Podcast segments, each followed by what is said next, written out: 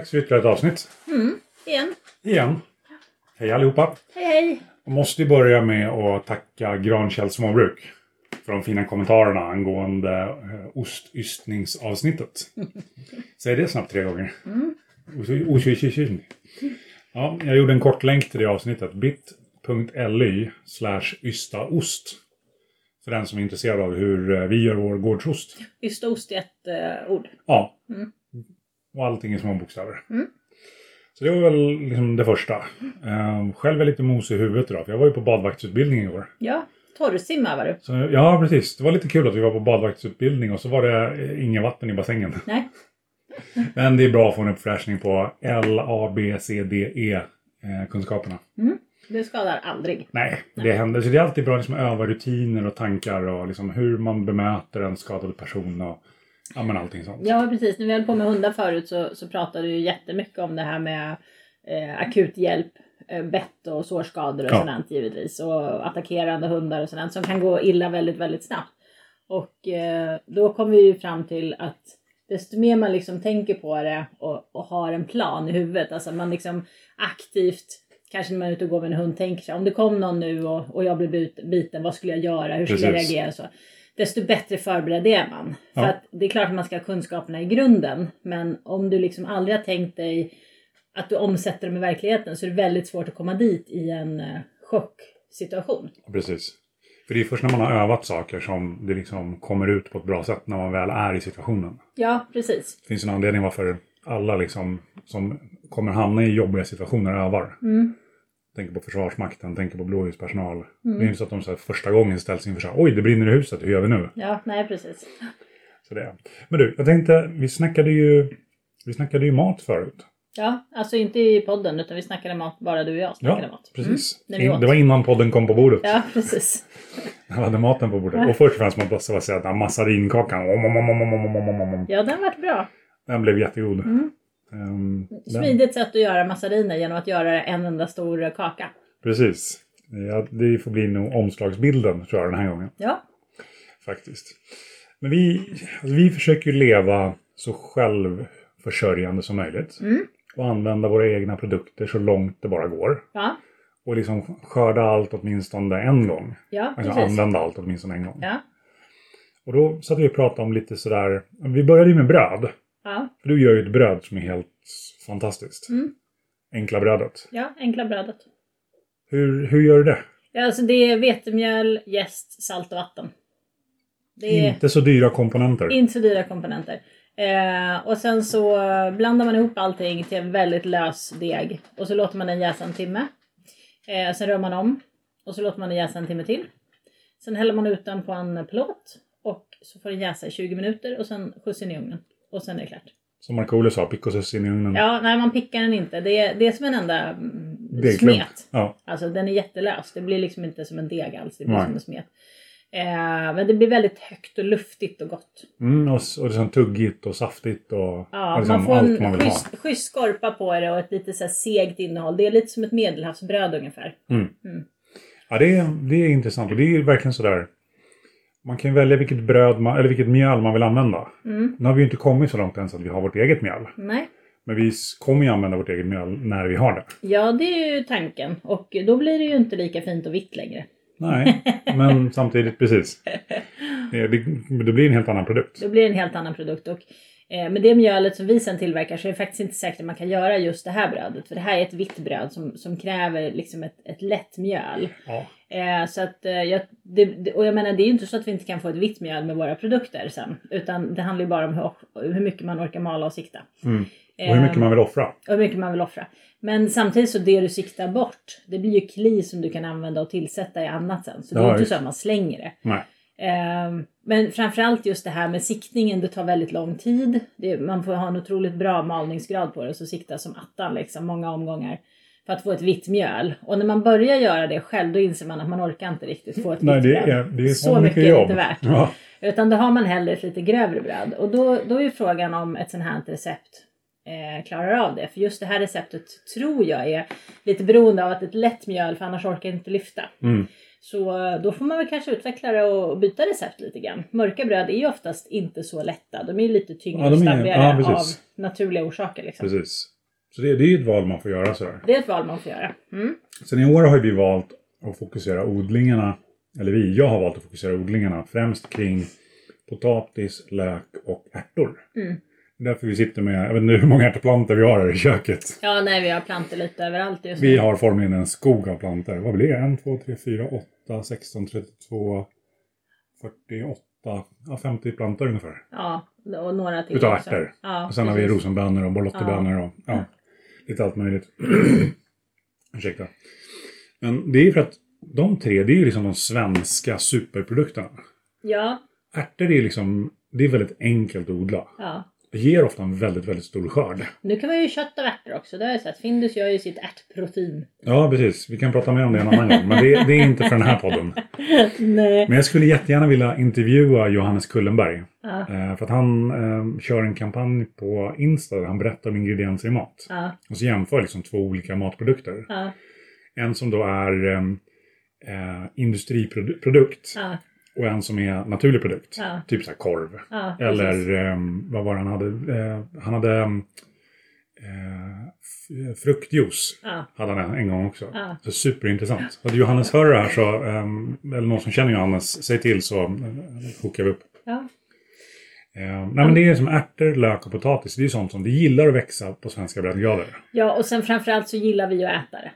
För jag menar det är ju så, vi, vi tänker ju så här, ett, vi ska, alltså vi, ett så är vi helt nybörjare på odling. Det kan man väl ganska lugnt säga.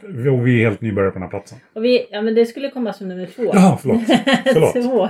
Vi är helt nybörjare på den här platsen. I det här klimatet. Ja. Eh, och tre, den här jorden som vi har är inte brukad på väldigt, väldigt många Nej. år. Så då tänker vi så här att det är ganska dumt att börja med någonting superavancerat. Att det logiska är att vi börjar med sånt som vi är ganska säkra på kommer växa i klimatet och på platsen trots att jorden inte brukad på väldigt länge. Precis. Och sen också som inte är så avancerat för oss eh, som är liksom nybörjare utan Mm. någonting som gärna växer. Ja, precis. Och sen sista grejen är att vi vill ju inte odla saker som vi inte äter. Jag skulle säga att det kommer en punkt innan där också. Ja, Det ska vara lätt att skörda. ja lätt att skörda är väldigt bra. Så det ska vara väldigt tydligt när man ska skörda. Ja. Annars Ja. är det lätt att man skördar för tidigt och då får du inte tillräckligt stor skörd. Nej. Eller så går det för långt och då är det inte gott. Eller då Mm. Ja. blir det fel. Och Eller... det får inte krävas för stora maskiner heller därför att vi har inga maskiner just nu. Nej, vi gör Så allt med handkraft i princip. Ja, så där har vi några kriterier. Men, men framförallt så ska det ju vara, förutom alla de här kriterierna, ska det vara sånt som vi gillar att äta. För det är helt meningslöst att odla en hektar med kålrot som jag inte gillar. Det skulle jag sagt innan jag sådde kålroten. Nej, Nej, så vi har ju fokuserat på sånt som vi, som vi tror på och som vi tycker är gott. Och ärtor Mm. Och bönor och potatis och lök och sånt. Det tycker vi är jättegott. ja. Och det fyller liksom alla de här kriterierna. Det växer väldigt gärna, det är lättodlat, det klarar lite, lite sämre jordar kanske. Mm. Och det klarar hyggligt sjukdomssäkert. Precis. Drar inte så mycket skadedjur heller. Nej. Så att eh, vi tänker så. Så att det, vi kommer ju inte odla liksom en massa spannmål i år. Så, så att det är ju inte... Ja, vi har vete, eh, råg eh, nakenharre. Ja, men alltså det är inte liksom i någon så större utsträckning. Det är ju inte så att vi odlar spannmål för vi tänker nu ska vi få mjöl så vi klarar oss ett år. Nej, nej, nej. Utan vi borde Utan- få så att vi har lite... Vi ska ha utsäde först. Ja, Och sen tar vi till oss. ja precis.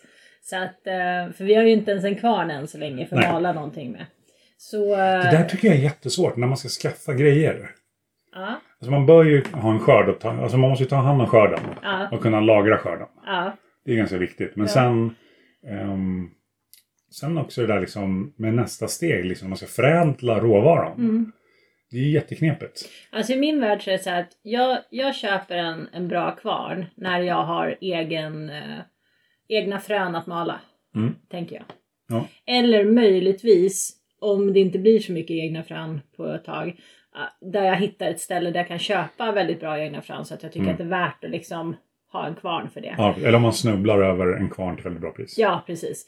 Men annars så för mig är det, så här, det är ingen idé att köpa en kvarn nu och så stå och stirra på den och vänta på att det ska bara växa där ute. Nej, precis. det är helt meningslöst. Den mala damm. Ja, nej, så att eh, där, där gör jag i alla fall en ganska tydlig avskiljning. Ja. Men då när vi är inne på ärtor, lök och potatis. Mm. Det är så, vad kan man göra med ärtor, lök och potatis? Du har ju den här kött och potatislådan som är sjukt god. Ja, det är kött och potatis. nej, det är, jag vet inte, det är väl nå det är ett finskt recept i grunden som vanligt tror jag. Alla de här lådorna kommer från min mamma. Eh, så det är skivad potatis och stekt köttfärs som man lägger i lager. Och sen häller man på buljong och, eh, och lite grädde. Och så kör man det i ugnen. Det är verkligen inte så avancerad mat men det blir väldigt, väldigt gott. Mm. Jag brukar inte krydda det med annat än salt och peppar. Nej. Eh, men ganska mycket salt och peppar för eh, potatisen skär ju. Eh, ja, visst. smak. Så, men eh, det, blir, eh, det blir supergott. Och den, den blir inte sämre för att den får stå ett par dagar heller. Så man kan mikra om den flera gånger om det är så att det Mm. behövs. Ehm, man kan också göra den färdigt i portionslådor om man nu är den som gillar så här folieaskar och frysa in och ta till luncher och Precis. sådant så går ju det bra också. Ja, den är perfekt. Just potatis är ju lite känslig. När bordet knakar väldigt mycket. Ja, jag kanske inte ska luta mig så mycket på det. Inte. Ehm, Men stolen knakar Ja. också lite. ja, det är inte lätt. Men det väntar lite tills man börjar gå på golvet, då knakar Då det. knakar det. Eh, Vart var jag någonstans? Jo, potatis. Sådär, när man, om man fryser den för att kunna förvara den länge, alltså en tillagad maträtt. Mm, Och sen mikrar. Alla vet ju hur dålig potatis blir när man mikrar den. mm. Men just när den är skivad, då är det liksom en helt annan sak. Då Ja. blir den inte lika dålig. Nej, precis. Eh, sen vet jag inte om den är just för att den är liksom eh, i en eh, alltså, i en låda där det, liksom, det är lite vätska och sånt också så att den eh, klarar sig bättre då kanske. Men, Mm. men kött och potatislådan är billig och väldigt god. Apropå väldigt god, den här massarinkakan. Den, Den, var är väldigt, väldigt god. Ja, precis. Nej men ärtor kan man göra jättemycket. Alltså Ja. jag äter ju gärna ärtor till allt. Jag älskar gröna ärtor. Jag tycker det är supergott. Mm. Gula ärtor är ju klart ärtsoppa. Ja visst, ärtsoppa. Ja, det är ärtsoppa. att Det är to die liksom, for. Ja, det är ju typ. Men det, nu ser vissa som så här rynkar på näsan och bara "Eh, ärtsoppa. Men alltså, vi snackar inte köpa ärtsoppa längre. Nej, jag kan annars tycka att den här äh, försvaret, eller vad heter Soldatens. det? Soldatens. Ja, precis. Den är hygglig. Jag tycker att den är jättegod. Ja. Men när man börjar göra egen ärtsoppa så inser man vilken otroligt stor skillnad det är. För Mm. den soldatens ärtsoppa är ju väldigt smetig Mm. i texturen. Även om du spär den mycket så är den fortfarande liksom smetig. Men eh, när jag kokar egen ärtsoppa så blir ju den nästan klar Mm. med ärtor och kött i. Precis. Eh, och lök. Och så lök. Det, det är ju som en helt annan typ av soppa. Mm. Alltså du kan aldrig spä soldaten så att den blir klar. Även om Nej. den blir superinnig. Så den blir bara vattig liksom. Ja. Men när du är egen så blir den klar. Eller min blir klar. Och den blir jättegod. Ja. Då kan man äta hur mycket som helst av. Och grönärtor det är ju perfekt. Det kan man, det kan man dels styckfrysa. kan du ha i vad som helst. Det är bara Mm. alltså i det fryst. Ja, det, är liksom, det funkar till allt. Ja, det funkar till allt. Gröna, gröna ärtor funkar jättebra eh, till ägg tycker jag också. I Mm. omeletter och sådär brukar jag alltid i gröna ärtor. Faktiskt. Men de är lite knispriga, lite söta Ja, och, och fin färg. ja, precis. Och sen kan du göra grön ärtsoppa Det var länge sedan vi åt det. Ja, det var länge sedan vi åt det. Och det är också jättegott. Och potatis och lök, då kan du göra, om du har purjolök kan du göra potatis och purjolökssoppa. Mm. Purjolök har inte vi odlat. Ja, nu ska jag se. Jag har satt purjolök i ett litet tråg. Det är 5 cm långa grässtrån i den. Det, Ja! de, alltså det är ett litet grässtrå som är 5 cm. Ja, det ska bli en purjolök sen någon gång.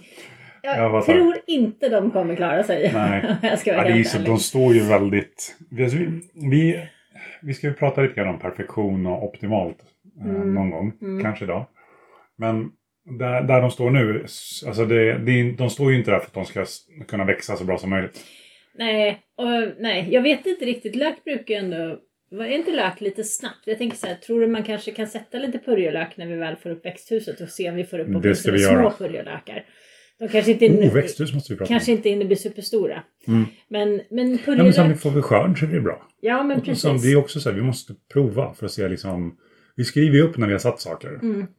Och så kan man se liksom så men vi satte det och så fick det stå i växthuset och så när, ble, när skördade vi, vad fick vi för skörd? Ja, precis. Så vet man. Ja. Ja, men purjolök och, eh, och gul lök är väl det vi använder mest. Eh, och det kan man ju använda till precis allt också. Ja. Eh, Sen, jag, jag vet inte, röd lök och gul lök, jag tycker det är så här... Det är alldeles som man han har sagt så här, åh nej, det skulle ha varit gul lök i den här istället för röd lök. Nej, men det ska ofta vara röd lök istället för gul. Ja, men det är, alltså jag tror att de flesta skulle, man kanske får ta lite mindre lök i sådana fall. ja, det är lite skillnad på smaken. Den gula Mm. kan ju vara otroligt stickig. Ja, den här torrgaslöken vi har i Ja. kylen nu. Men samtidigt så all gul lök är inte superstickig. Ibland så är Nej. den mycket mildare också. Så det där är väl lite... Jag kan säga så här, jag köper ju i princip aldrig röd lök. Nej. Det ska vara om det är någonting speciellt så köper jag rödlök. Ja, Annars jag- kör jag, jag- gul lök, salladslök eller purjolök i allt. Ja. Det är mina favoriter. För när jag är bruschetta då är det ju det är rödlök i den. Ja, Men det är för att man vill ha ganska mycket lök. ja. Och skulle man ha så mycket gul lök så skulle man ju liksom fisa lök i flera veckor efteråt. ja. Så det ja, vad, vad sa du? Just vitlök tänkte jag på. ja. Hur, vart, har din, vart har vitlöken tagit vägen? ja den är i krukan med, eh, med gräslöken. Ja, nu ser jag. Mm. Så att Gräslöken växer så det knakar. Den skulle vi egentligen få, försöka få ut. Ja, den skulle vi få ut. Ja, vitlök använder vi mycket också. Jag använder vitlök i nästan allt. Mm. Till samurajs stora förtret. För när det är vitlök i maten då får inte han slicka tallriken. Nej. Men vitlök är ju sjukt lättodlad. mm. Och det är så gott, Ja. tycker jag. Och det, där behöver man inte vara rädd. Det är så här, du måste vänta en vecka innan frosten. Eller det ska gå fyra veckor efter oktober. Det finns Mm. massa sådana här. Nej. Ha en kruka inomhus. Stoppa ner en vitlöksklyfta i. Mm. Färdig. Får du en vitlök, helvitlök av det sen i krukan då? Knappast.